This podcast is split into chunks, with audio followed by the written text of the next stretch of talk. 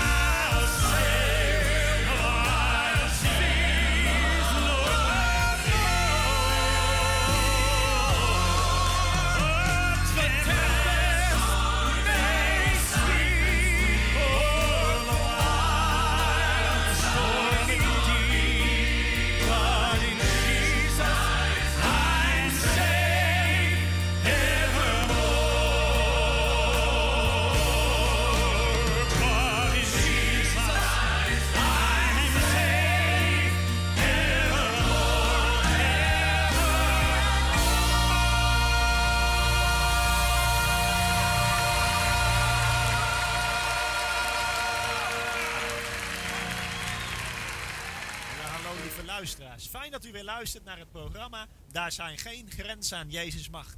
Wat is het toch fantastisch om dat elke keer weer te mogen uitspreken. Dat er geen grenzen zijn aan de macht van Jezus. Ja, Jezus is machtig. Hij heeft alle macht in de hemel en op aarde. En aan die macht zijn geen grenzen. En ook deze uitzending willen we weer na gaan denken over dat leven met Jezus. Dat leven na Pasen. En we hebben net Pasen achter de rug. En juist op dit moment wil ik met u gaan nadenken over opstandingskracht. De opstandingskracht van Jezus. En dit wil ik doen aan de hand van Filippenzen 3. Maar voor we dit gaan doen, wil ik eerst u voorgaan in gebed. Ja, lieve Vader in de hemel, zo aan het begin van deze, van deze overdenking willen we tot u komen. Vader, we willen u danken dat we, dat we elke keer weer mogen te- tegen elkaar mogen zeggen: daar zijn geen grenzen aan de macht van Jezus. Vader, we willen u danken dat u bij ons bent en dat u ons kent. En ja, hoe onze situatie ook is, Vader, dat u ons kent in alle facetten van ons bestaan. Vader, en dat u bij ons bent. Vader, en dat u uw zoon naar deze wereld gezonden hebt. We hebben het pas weer mogen herdenken op Goede Vrijdag, hoe hij stierf van het kruis om onze straf te dragen. En met Pasen, hoe we herdachten dat Jezus uit de dood opstond, dat hij de dood heeft overwonnen. Zodat een ieder die in hem gelooft eeuwig mag leven. Vader, we willen u danken voor uw grote genade. Vader, en op dit moment willen we bidden. Wilt u met uw geest onze hart bewerken? Wilt u met uw heilige geest ons aanraken? Dat de woorden die we samen zullen overdenken, dat die in ons hart zullen landen. En dat die, dat die vrucht zullen dragen. Dat we mogen ervaren die opstandingskracht waar we over na gaan denken.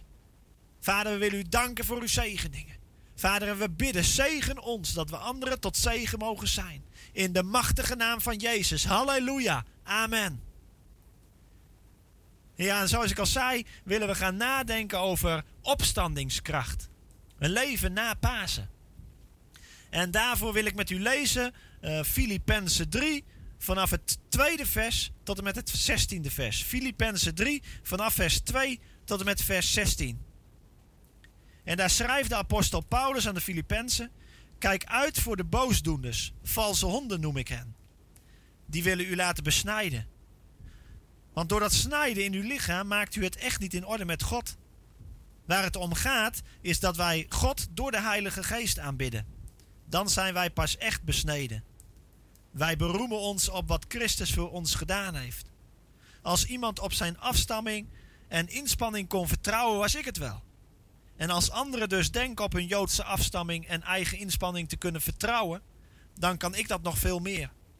Volgens voorschrift werd ik op de achtste dag besneden. Ik ben een ras-echte Jood uit de stam van Benjamin, een echte Hebreeër. Want het naleven van de Joodse, wat het naleven van de Joodse wetten betreft, behoorde ik tot de Fariseeën. Ik was zo fanatiek dat ik de christenen probeerde uit te roeien. Ik week zelfs op geen enkel punt van de wet af en er was in dat opzicht dan ook niets op mij aan te merken. Maar al deze dingen waar ik vroeger zoveel waarde aan hechtte, zijn voor mij waardeloos geworden omdat ze mij afhielden van Christus. Daar zegt Paulus nogal wel niet wat. Ze hielden mij af van Christus.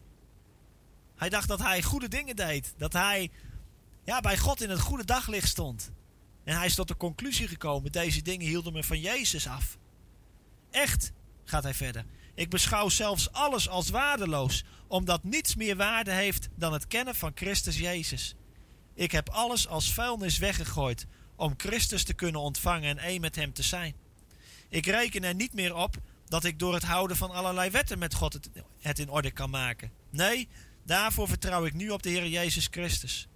Hij maakt dat, dat het goed is tussen God en ons. Als wij maar in Hem geloven. Het enige wat ik wil is Christus kennen en ervaren hoe groot de kracht is waardoor Hij uit de dood is opgestaan. Ik wil ervaren wat het betekent om met Hem te lijden en te sterven, om uiteindelijk te komen tot de opstanding uit de dood. Daarmee wil ik echt niet zeggen dat ik er al ben of dat ik al volmaakt ben, maar wel dat ik met Christus, met het, maar wel dat ik met het doel voor ogen blijf doorgaan die volmaaktheid probeer ik te grijpen, waardoor ook Christus mij gegrepen heeft. Waarvoor ook Christus mij gegrepen heeft. Ik denk niet dat ik daarin geslaagd ben, broeders, maar één ding weet ik zeker. En daarbij vergeet ik wat achter me ligt en strek mij uit naar hetgeen wat voor mij ligt. Ik snel recht op mijn doel af. Ik wil de prijs behalen die, nu God mij door Christus Jezus geroepen heeft, in de hemel voor mij klaar ligt.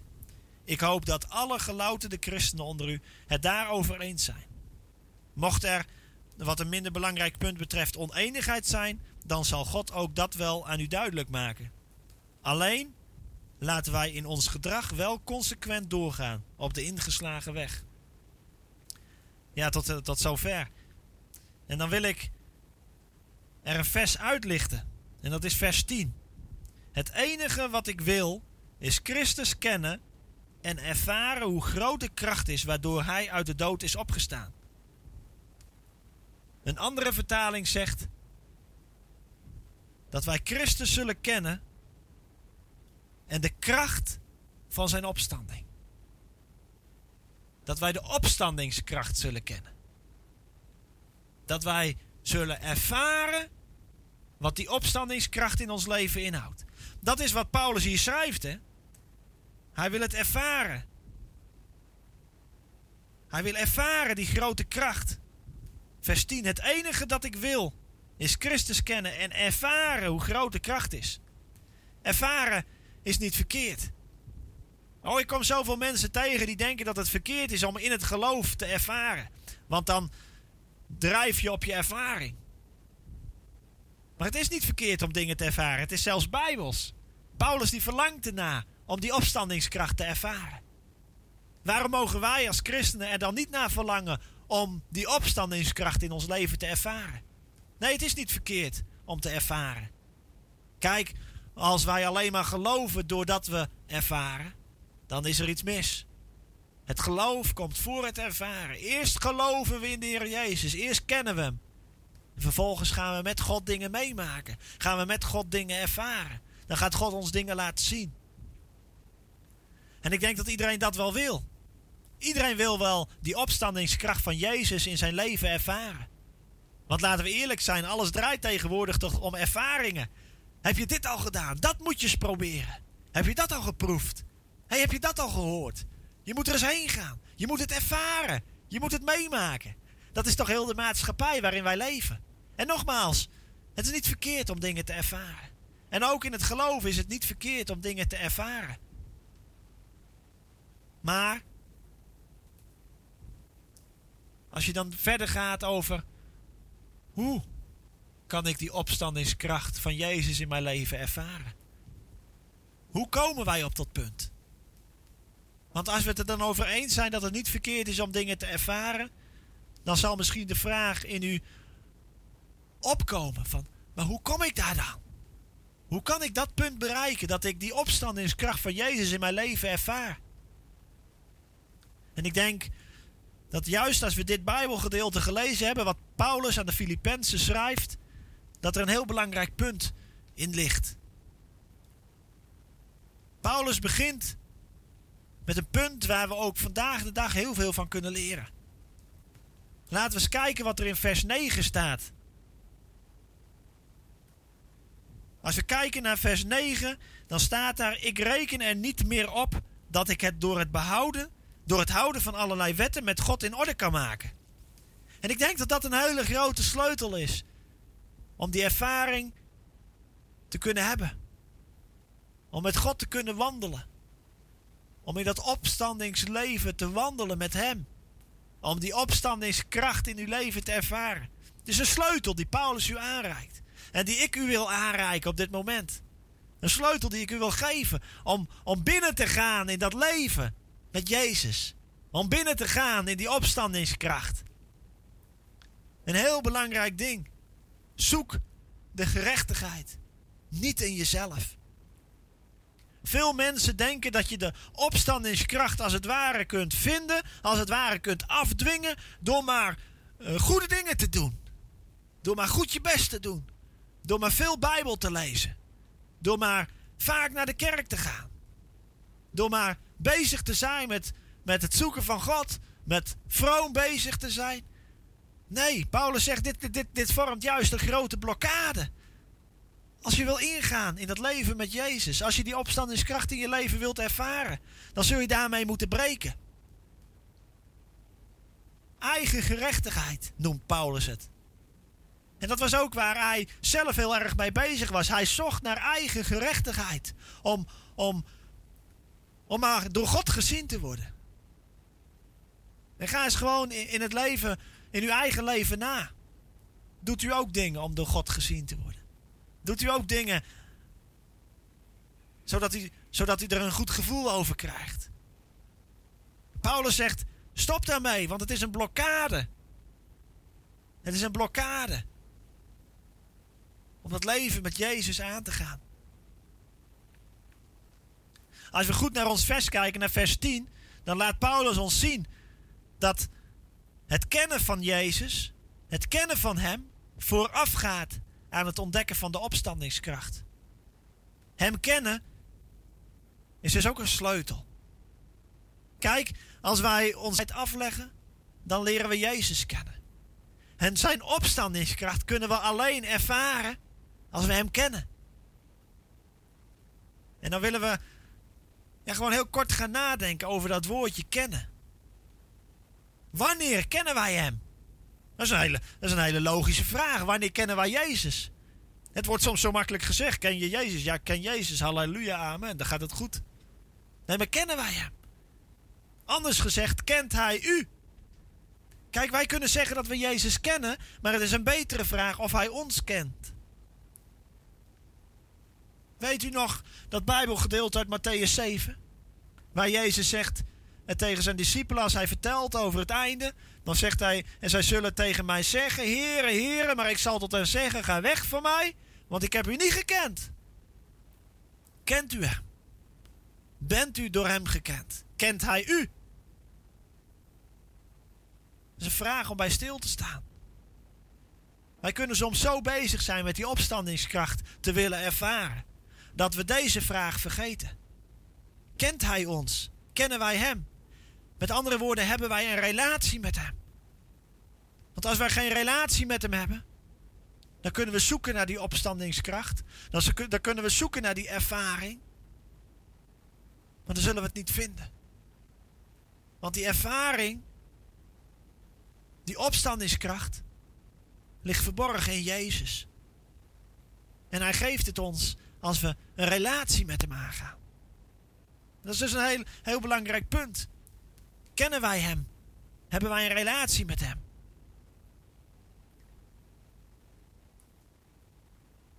Paulus die schrijft in vers 10.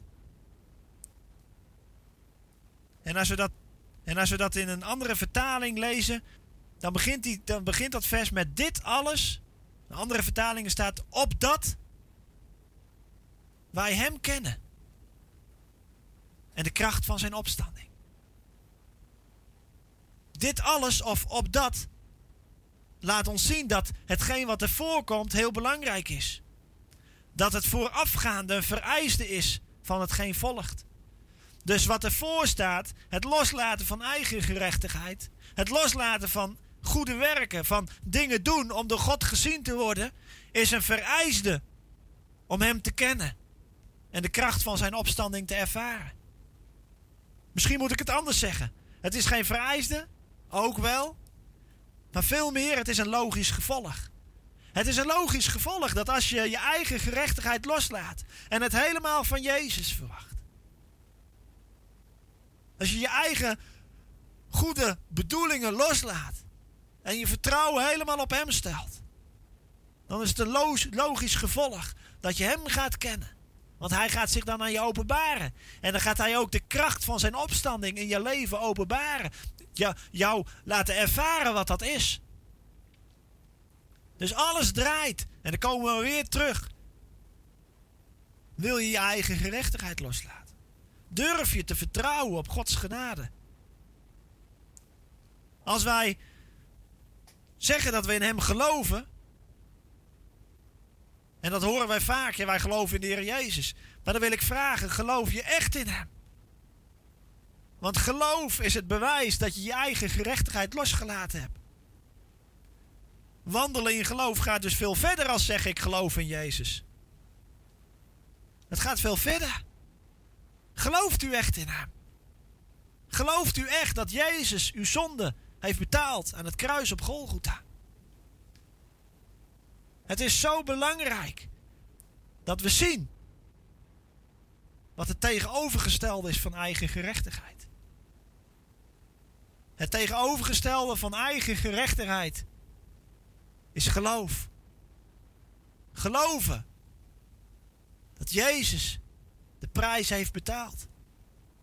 Geloven dat als wij niets doen, dat God alles doet.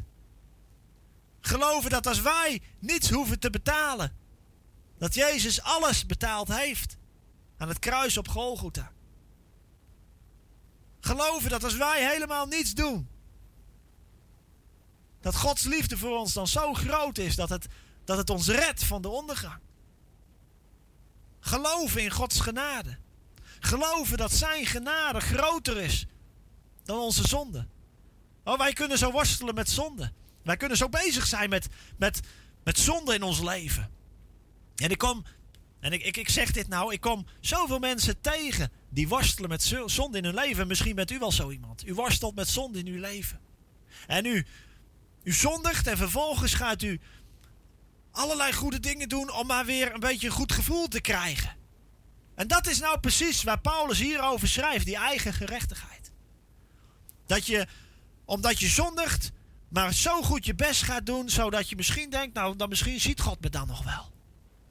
Ik kom van de Veluwe en daar hoor je heel vaak van, als we maar drie keer naar de kerk gaan, als we maar bidden, als we maar Bijbel lezen, dan zal God in zijn grote genade misschien nog naar ons omzien. En dat is nou precies de vuilnis waar Paulus het over heeft. Kijk, vaak denken wij dat die vuilnis waar Paulus over schrijft, dat dat de zonde in ons leven is. Maar dat is helemaal niet zo. Het is niet de zonde in ons leven waar Paulus hierover schrijft. Het is datgene wat we doen om de zonde in ons leven weg te poetsen. Het is dat wat we doen om de zonde in ons leven te verbloemen. Het is dat wat we doen om de zonde in ons leven nog enigszins goed te maken. Dat is die vuilnis die we aan de weg moeten zetten. Dat is die vuilnis die we uit ons leven weg moeten doen. Eigen gerechtigheid. Niet de zonde. Niet de zonde. Nee, de eigen gerechtigheid. En dan, ik zei het net al, dan hoor je vaak zo dat God in zijn grote genade nog maar eens naar ons mag omzien. Nou, ik wil u zeggen, deze, deze uitzending. God zal nooit naar ons omzien om wat wij gedaan hebben. Maar God kijkt naar ons om wat Jezus voor ons gedaan heeft.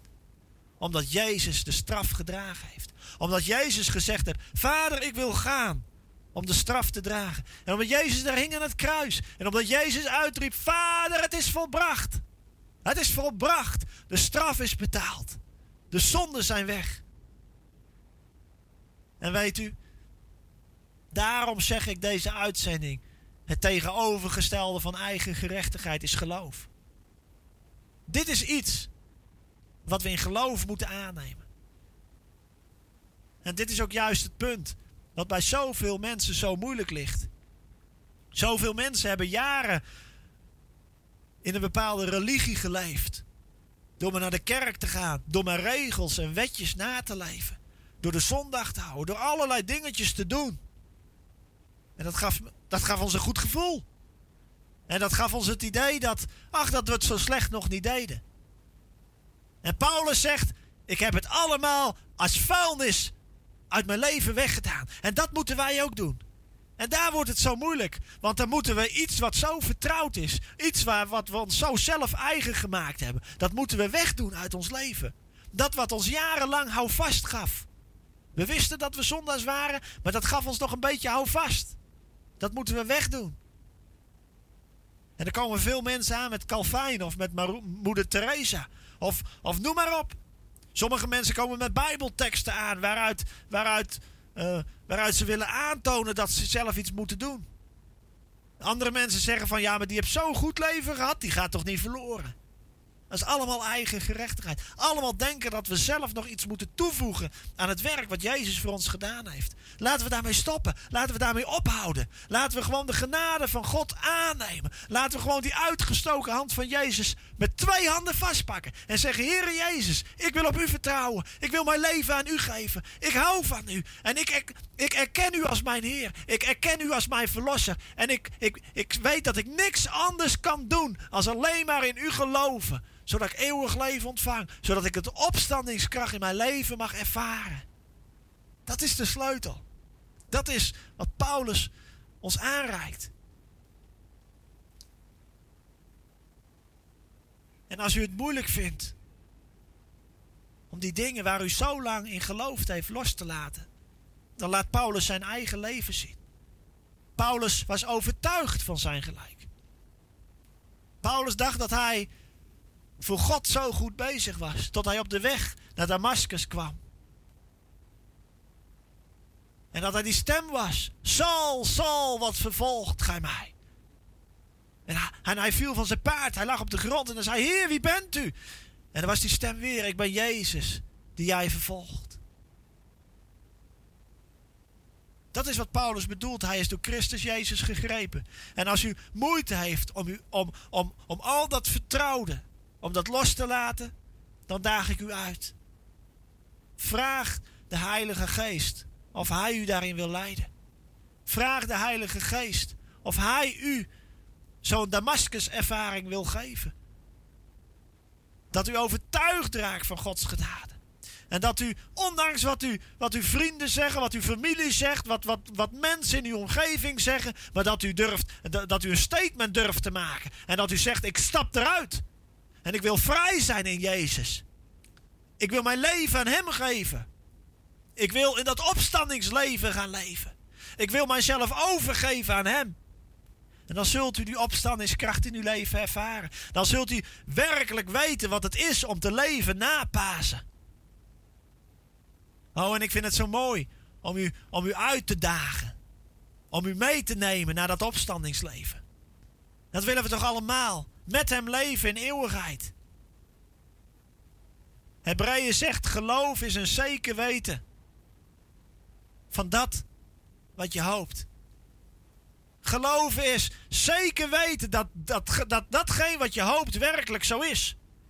De Bijbel zegt wie in de Zoon van God gelooft, heeft eeuwig leven. En dan is mijn vraag, geloof je dat?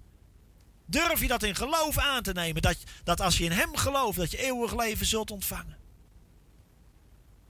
Er is zo'n mooie belofte in Romeinen 8 vers 11. En indien de geest van Hem die Jezus uit de dood heeft opgewekt in u woont, zo zal Hij, die Jezus Christus uit de dood heeft opgewekt, ook uw sterfelijke lichamen levend maken door zijn geest die in u woont. Halleluja!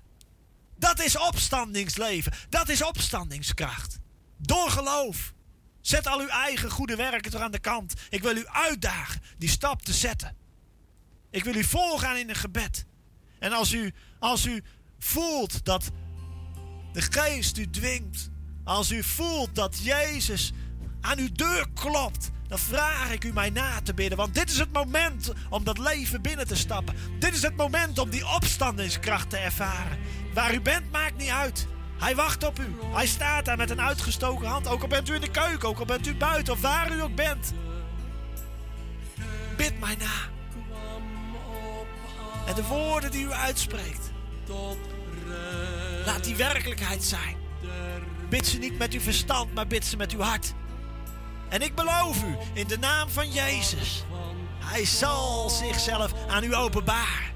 Hij zal zijn opstandingskracht in uw leven werkelijkheid maken. Laten we samen bidden.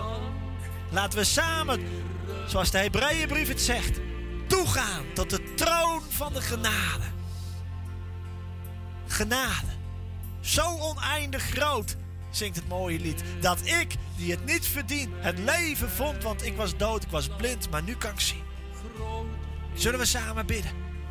Heere Jezus, op dit moment aanvaard ik uw offer voor mij aan het kruis.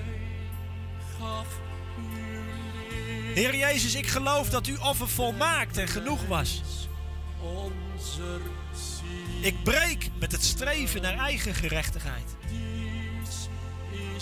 En ik vraag u of u door, door uw geest mij de kracht wil geven dit vast te houden. Ik dank u voor uw genade. Ik dank u dat ik deel mag hebben aan uw opstandingsleven. Ik dank u dat ik niet zelf hoef te doen. Maar dat u alles voor mij gedaan hebt. Ik prijs uw heerlijke naam. Halleluja. Amen. Ons u te kennen.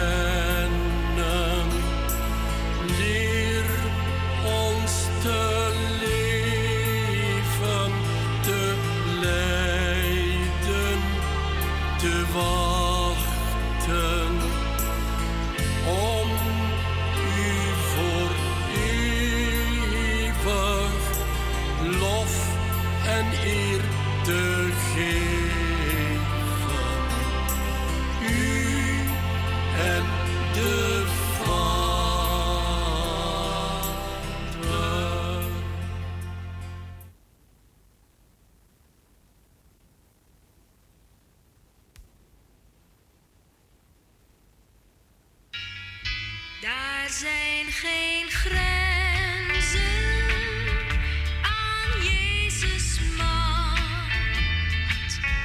Voor elk die wonderen van hem verwacht. Luisteraars, u luistert naar het programma Daar zijn geen grenzen aan Jezus macht.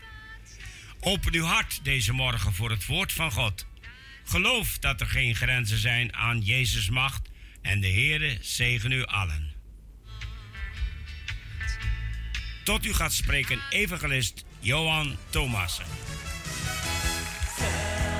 He is risen.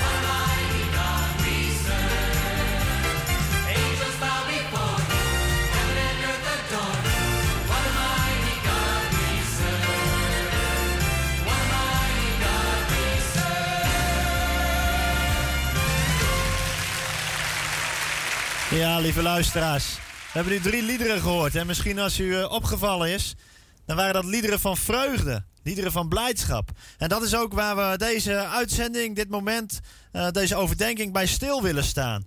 Blijdschap. Blij zijn. Vreugde beleven aan je geloof. Vreugde beleven aan God. Maar voordat we dat gaan doen, wil ik eerst u voorgaan in gebed. Ja, lieve Vader in de hemel, we komen zo bij u, Vader. Vader, en op dit moment willen we u danken dat u onze God bent. Dat u onze Vader bent. En dat we blijdschap in u mogen beleven. Dat we, dat we blije mensen mogen zijn. Dat u dat voor ons bewerkstelligd hebt door uw zoon te zenden naar deze wereld. Zodat hij de straf op zich nam. Zodat wij in blijdschap mochten leven. Zodat wij, ondanks misschien moeite, ondanks misschien verdriet en pijn, dat we toch blijdschap hebben in ons hart. Omdat we weten dat we een toekomst hebben met u. Dat we weten dat we een blij vooruitzicht heb, hebben. De, psalm zegt het zo mooi: het blij vooruitzicht dat ons streelt. Vader, dat we daar ook deze uitzending weer, weer ons aan mogen optillen. Aan die toekomst en aan die blijdschap. Dat we naar, naar het horen van deze woorden, dat we dan blijdschap in ons hart hebben. En dat we dat mogen uitstralen naar anderen om ons heen. Vader, wilt u zo uw geest zenden? Uw geest van blijdschap en vreugde. Dat die ons opwekt. In de naam van Jezus. Amen. Ja, blijdschap. Vreugde. Dat is toch een heel belangrijk iets. En ik wil daar met u over nadenken, heel kort. En ik wil daarvoor lezen een tekst uit Filippenzen 4. En ook het vierde vers. En daar staan misschien wel hele bekende woorden voor u. Verblijd u in de Heer ten alle tijd. Wederom zeg ik, verblijd u. Tot twee keer toe is hier de oproep dat we ons moeten verblijden. En weet u waarom dat is? Omdat het koninkrijk van God voor blije mensen is. Bent u een kind van God? Weet u zeker dat u gekocht en betaald bent door het bloed van de Heer Jezus? Dat de Heer Jezus voor u aan het kruis is gestorven.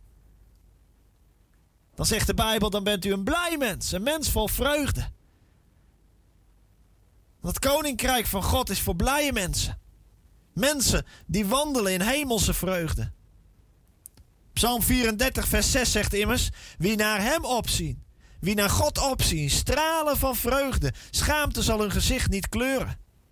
Het koninkrijk van God is een koninkrijk van kracht. En die kracht komt voort uit Gods vreugde over ons. Hij, de vreugde van de Heer is mijn kracht. Verblijd u in de Heer ten alle tijden. Wederom zeg ik, verblijd u. Bent u blij? Ja, zult u zeggen, ik heb gisteren iemand moeten begraven. Of ik heb een heel na bericht gehad. Misschien zijn er omstandigheden dat u zegt, nee, ik kan helemaal niet blij zijn. En toch daagt de Bijbel u uit. Toch daagt God u uit om die blijdschap te zoeken en die blijdschap vast te houden. Wat uw situatie ook is, omdat u een God dient die hoger is dan al uw problemen. God vraagt of u naar Hem wil opzien. Psalm 34, vers 6, we hebben het net gelezen. Zie op naar Hem. God, God roept u ook deze, dit moment weer op om naar Hem te kijken. Want wie naar Hem opziet, stralen van vreugde. Wat de omstandigheden ook zijn, die doen er dan niet toe. Tuurlijk, we kunnen verdriet hebben. We kunnen pijn hebben. Maar we mogen naar Hem opzien. En dan zullen we stralen van vreugde. Want God is een God van vreugde. God is een God die het beste voor heeft voor zijn kinderen. Als u, u een kind van God weet, dan mag u weten dat er een Vader in de hemel is die uw problemen kent, die uw moeite kent, die uw verdriet kent, maar die u daarbovenuit wil tillen. Wie het van de Heere verwachten, zegt Jesaja, put een nieuwe kracht. Zij varen op met vleugelen van arenden. Zij lopen, maar worden niet moede. Zij wandelen, maar worden niet mat. God is onze kracht. De vreugde van de Heer is uw kracht. Dat is een tekst. We kennen hem allemaal, maar weet u ook waar die staat? Weet u waar deze tekst staat in de Bijbel? De vreugde van de Heer is uw kracht. Deze tekst staat in Nehemia. Nehemia 8, vers 11, om precies te zijn. En weet u, het boek Nehemia handelt over de wederopbouw van de muren van Jeruzalem. En deze tekst staat midden in een verhaal dat Nehemia tegenwerking kreeg van alle kanten. Dat er moeite was, dat er verdriet was, dat er pijn was. En het volk zag het niet meer zitten. En Nehemia, die was daar als leider. En ze werden tegengewerkt door hun vijanden. En dan staat er in één keer als een, als, een, als een kreet deze tekst. De vreugde van de Heer is uw kracht. En als je dan verder gaat kijken, dan kun je deze tekst op twee manieren lezen. De vreugde die wij hebben in ons hart, omdat we de Heer dienen. En dat is ook zeker zo. Maar de vreugde van de Heer. De vreugde die de Heer heeft over ons. Kijk, toen Nehemia daar die muur aan het bouwen was, had God daar vreugde over. Want God is een God van wederopbouw. Want God is een God van herstel. En toen God zag dat daar de muren van Jeruzalem herbouwd werden, had hij vreugde daarover. En dan staat daar die tekst: De vreugde van de Heer is uw kracht. Als de Heer vreugde over ons heeft, dan hebben wij vreugde over de Heer. Het is een wisselwerking. Wij hebben vreugde als Hij vreugde heeft. En Hij heeft vreugde als wij vreugde hebben. Als wij blij zijn. En dan worden wij als mensen worden wij sterk. Omdat we weten wat de situaties ook zijn. Hoe we ook tegengewerkt worden. Wat mensen ook over ons denken. Wat mensen ook over ons schrijven. Wat mensen ook over ons zeggen achter onze rug om. Dan weten we. God in de hemel. Onze Vader. Abba. Vader. Hij houdt van ons. Hij geeft om ons. En hij zegt tegen ons: Je bent mijn lieve zoon, mijn lieve dochter. En ik ben trots op je, om wie je bent. En dan vinden wij daar vreugde in. We hebben net gezien dat we deze tekst ook anders kunnen zien. Dat God vreugde heeft over ons. En dan kun je je vraag stellen: Maar heeft God wel vreugde over mij? Is God wel blij met mij? Weet u, de duivel wil u doen geloven dat God niet blij is met u. Omdat u zondigt. Omdat u een zondaar bent. Omdat er dingen in uw leven zijn die, ja, die, die niet goed zijn. Weet u, maar dat is wat de duivel u probeert wijs te maken. Weet je wat Gods woord zegt?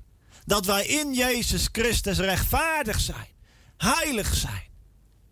Wij zijn kinderen van de Allerhoogste God. Niet omdat wij het zo goed doen. Niet omdat wij het zo goed gedaan hebben. Niet omdat wij zonder zonde zijn. Nee, maar omdat Jezus de prijs heeft betaald aan het kruis van Golgotha. Daarom heeft God vreugde over ons. Niet omdat wij zonder zonde zijn. Nee, maar omdat wij zeggen: Heere Jezus, wij geloven in U als onze Heer en onze Heiland. En wij erkennen U als onze redder en verlosser. Daarom heeft God vreugde over ons. Vreugde vindt de Heer in wie hem eren en wie hopen op zijn liefde en trouw. Weet u de tekst uit de Bijbel waar, waar, waar God zegt, door mond van de evangelist. Want al zo lief heeft God de wereld gehad dat hij zijn enige geboren zoon gegeven heeft, opdat een ieder die in hem gelooft niet veroordeeld wordt, maar eeuwig leven heeft. Daar is die liefde van God. Psalm 147, vers 11 zegt: Vreugde vindt de Heer in wie hem eren en wie hopen op zijn liefde en op zijn trouw. Weet u wanneer de Heer vreugde in u vindt? Als u hoopt op zijn liefde en zijn trouw. Als u gelooft in zijn liefde en in zijn trouw. Het geloof is immers een zeker weten van dat wat je hoopt. Hoop je op Gods liefde en trouw? Geloof je in Gods liefde en trouw? Ja? Halleluja. Dan vindt de Heer vreugde in u. Dan is de Heer blij met u. Dan houdt Hij van u. Dan ontfermt Hij zich over u. En dan wil Hij u vullen. Wat uw omstandigheden ook zijn. Wil Hij u vullen met zijn vreugde. Met zijn blijdschap. Halleluja. Hebreeën 11 vers 6 zegt dat het zonder geloof onmogelijk is God vreugde te geven. En dat is een terugkoppeling naar wat we net gelezen hebben in Psalm 147. Dat de Heer vreugde vindt in wie hoop op zijn liefde en trouw. Zonder geloof is het onmogelijk God vreugde te geven. Wie tot hem wil naderen moet immers geloven dat hij bestaat. En wie hem zoekt zal door hem worden beloond. Kijk, dat zijn toch prachtige beloften uit het woord van God. Dat zijn, dat zijn beloften die God aan u, aan jou doet, dit moment. God zegt, vertrouw op mij. Hoop op mij. Kijk niet naar je omstandigheden. Kijk niet naar de golven van je bestaan, maar kijk naar mij. En ik zal je rust geven. Komt alle tot mij, zegt Jezus, die vermoeid en belast zijn. En ik zal rust geven. Ik zal je rust geven. Ik zal je vrede geven. Ik zal je vrede geven die de wereld je niet geven kan, maar die de wereld je ook niet kan afpakken. Ik wil je mij vrede geven die het menselijk verstand te boven gaat. Het enigste wat ik van je vraag, zegt de Vader, is dat je hoopt, dat je gelooft in mijn liefde. Ik ben liefde. Ik ben een God van liefde en van trouw. Mijn woord houdt stand tot in eeuwigheid. En zal geen duimbreed wijken. Geloof je in Gods liefde en trouw. En dan komt weer de duivel daar. Weer met een leugen. En opnieuw probeert hij u onderuit te halen. En weet u, weet u wat hij tegen u zegt? Tuurlijk is God liefde. God is liefde. Maar is Gods liefde ook voor jou? Weet je nog wat je gisteren gedaan hebt? Weet je nog wat je misschien vandaag wel gedaan hebt? Weet je nog wat je voor een half jaar terug gedaan hebt? Wat je toen gedaan hebt? Dat was zo slecht. Die liefde van God is voor iedereen, maar niet voor jou. Herkent u dat? Dat stemmetje van binnen dat zegt dat God van iedereen houdt, behalve van jou, behalve van u. Weet u hoe Jezus daarmee omging? Jezus zei: Ga weg, Satan, want er staat geschreven. En dat is iets wat wij ook moeten leren. Ga weg, Satan, want er staat geschreven dat Gods liefde voor ieder mens is. Voor u, voor mij, voor iedereen. Gods liefde is zo oneindig groot, die sluit niemand buiten. Weet je, als de duivel naar je toe komt en je probeert wijs te maken dat Gods liefde niet voor jou is, dan wil ik u laten zien. Een tekst uit Ezekiel 33, vers 11. En daar spreekt God door monden van Ezekiel het volgende. Zeg tegen hen. En vul uw eigen naam erin. Zeg tegen die. Zeg tegen. Vul uw eigen naam erin. Zo waar ik leef, spreekt God de Heer. De dood van een slecht mens geeft me geen vreugde. Hé. Hey, de dood van een slecht mens geeft me geen vreugde. Ik wil dat hij een andere weg inslaat en in leven blijft. Dat is hoe slecht u ook bent, wat u ook gedaan hebt. Wat u, wat, wat u in het verleden ook hebt meegemaakt. Wat u in het verleden ook hebt misdaan. Hier staat het in Ezekiel. De dood van een slecht mens geeft me geen vreugde, zegt God. Ik wil dat hij een andere weg inslaat. Ik wil dat hij zich bekeert. Ik wil dat hij, met andere woorden gezegd, ik wil dat hij, hij zich richt op wie ik ben. Ik wil dat hij gaat hopen op mijn liefde en mijn trouw. En dan zal ik vreugde vinden in hem. God kijkt niet naar, de, naar het verleden. God is een God van de toekomst. God kijkt vooruit. Paulus zei het al: vergeten hetgeen achter u ligt. En u uitstrekkende naar wat voor u is. Dat moeten wij leren. Vergeten wat achter ons is. En ons uitstrekken naar wat voor ons is. Dan zullen we die vreugde van God in ons leven leren kennen. Dan zal God een God wezen die blij op over ons is. Dan mogen we weten dat wat we ook gedaan hebben, dat Hij van ons houdt, dat Hij om ons geeft. En dat is zo prachtig, lieve mensen. Als we dat ontdekken. God is liefde, zegt Johannes. En als wij die liefde leren kennen, dan drijft dat alle angst buiten. Dan zullen we niet meer bang zijn voor God. Maar dan zullen wij met vrijmoedigheid toegaan tot de troon van de genade. Dan zullen wij geen angst meer hebben om naar Hem toe te gaan. Want wij weten, wij zijn gekocht en betaald met de hoogste prijs. Met het bloed van Jezus zelf. En wij mogen nu met vrijmoedigheid naar de Vader gaan. Voelt u de vreugde al opkomen? Diep in uw hart? Wat uw omstandigheden ook zijn. Voelt u die vreugde? Dat lichtpuntje in uw leven. Dat u weet dat u geliefd bent. Dat u weet dat je er mag zijn. Misschien heb je weinig vrienden. Misschien kijken mensen niet naar je om. Maar dat je weet dat de Almachtige Schepper van de hemel en de aarde een speciale plek in zijn hart heeft. Voor jou. Voor jou. Voor jou. Dat is heel mooi. Als je dat mag weten. Als je dat mag zien. Hij houdt van je. En dan kun je, ondanks je omstandigheden, ondanks je situatie, vreugde beleven aan wie de Vader voor je is.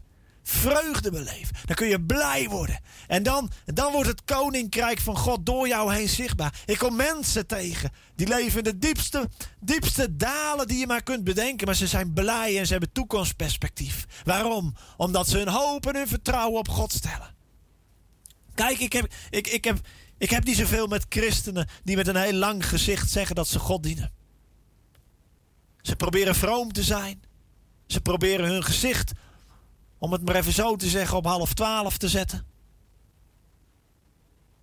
En daarmee proberen ze indruk te maken dat ze geloven in God. Ah, dan zeg ik nee, u hebt het niet begrepen, meneer. U hebt het niet begrepen, mevrouw. U moet blij zijn. Want blijheid is, is het symbool van Gods koninkrijk. De vreugde van de Heer is onze kracht. Als wij kracht in ons leven willen hebben, moeten we blij zijn. Moeten we opgewekt door het leven gaan. Dan, dan, dan zullen we ontdekken dat we door die blijdschap, door die kracht van God in ons leven, dat we elke situatie aankunnen. Het is zo prachtig om dat te ontdekken. Dat wij bevrijd worden van neerslachtigheid. Jesaja 35 vers 10. Wie door de Heere bevrijd zijn, keren terug. Jubelend komen zij naar Sion, gekroond met eeuwige vreugde. Dat is niet zomaar wat, niet zomaar voor een dag, niet zomaar voor vandaag of voor morgen. Nee, we worden gekroond met een eeuwige vreugde. Als wij door de Heer bevrijd worden, als wij door Jezus bevrijd worden, als wij ja zeggen tegen Jezus, dan worden wij door Hem bevrijd. En dan keren wij terug. En dan zullen we jubelen. En dan zullen we gekroond worden met eeuwige vreugde. Gejuich en vreugde trekken de stad binnen. Met andere woorden, gejuich en vreugde trekken uw leven binnen. Gejammer en verdriet vluchten eruit weg. Weet u waar vreugde is, kan klaagzang niet overheersen. Waar vreugde is, kan verdriet niet overheersen. Tuurlijk, er kan verdriet zijn. Maar de vreugde van de Heer is mijn kracht. En ik wil nu een moment nemen. Als u zegt, ik voel die vreugde niet. Dan wil ik voor u bidden. En ik wil u uitdagen om mee te bidden. Dat we samen naar de troon van Gods genade gaan. En dat we tegen God zeggen: Heer, ik zie het leven soms niet meer zitten. Ik heb zoveel pijn, zoveel verdriet. Maar dat we dat bij de troon van God brengen. En dat we zeggen: Heer Jezus, neem mijn leven, mijn rouwkleed, en maak het tot een lofgewaad. Want dat wil Hij doen. Dat is wat zijn woord zegt. Ik zal uw rouwkleed nemen en u een lofgewaad daarvoor in de plaats geven. Zullen we samen God daarom vragen? Zullen we samen God uitnodigen? Zullen we ja zeggen tegen Jezus? En zullen we de geest van God vragen, de geest van de vreugde, om u te vullen met blijdschap? Zullen we samen bidden? Bid maar met me mee. Heer Jezus, op dit moment wil ik u danken voor wie u bent.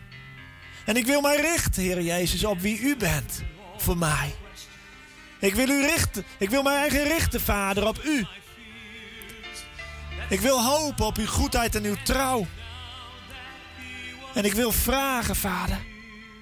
Wilt u in mijn leven komen met uw vreugde? Giet uw vreugdeolie over mij uit op dit moment.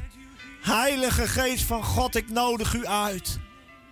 Kroon mij met vreugde, met eeuwige vreugde op dit moment. Heere Jezus, ik geef mijn leven over aan u. Ik geef mijn leven over aan u omdat ik weet dat ik het zelf niet kan. Neem mijn leven in uw handen en leid mij naar die hof van Ede, waar ik mag wandelen met mijn God. O Heilige Geest, vul mijn hart, vul mijn leven en leer mij zeggen: Abba, Papa, Vader. Dank u, Jezus, dat u zo diep gegaan bent voor mij. Ik wil u aannemen als mijn Heer en mijn Verlosser. En ik wil u vreugde aannemen in mijn leven. In de naam van Jezus. En ik verbreek elke macht van de duisternis over mijn leven in Jezus' naam. En ik proclameer vrijheid uit. Want dat is wat Jezaja zei. Wie door de Here bevrijd zijn, keren terug en zullen jubelen en gekroond worden met eeuwige vreugde. Dank u, Vader, voor uw woord. Dank u voor die geweldige belofte. In Jezus' naam. Halleluja. Amen.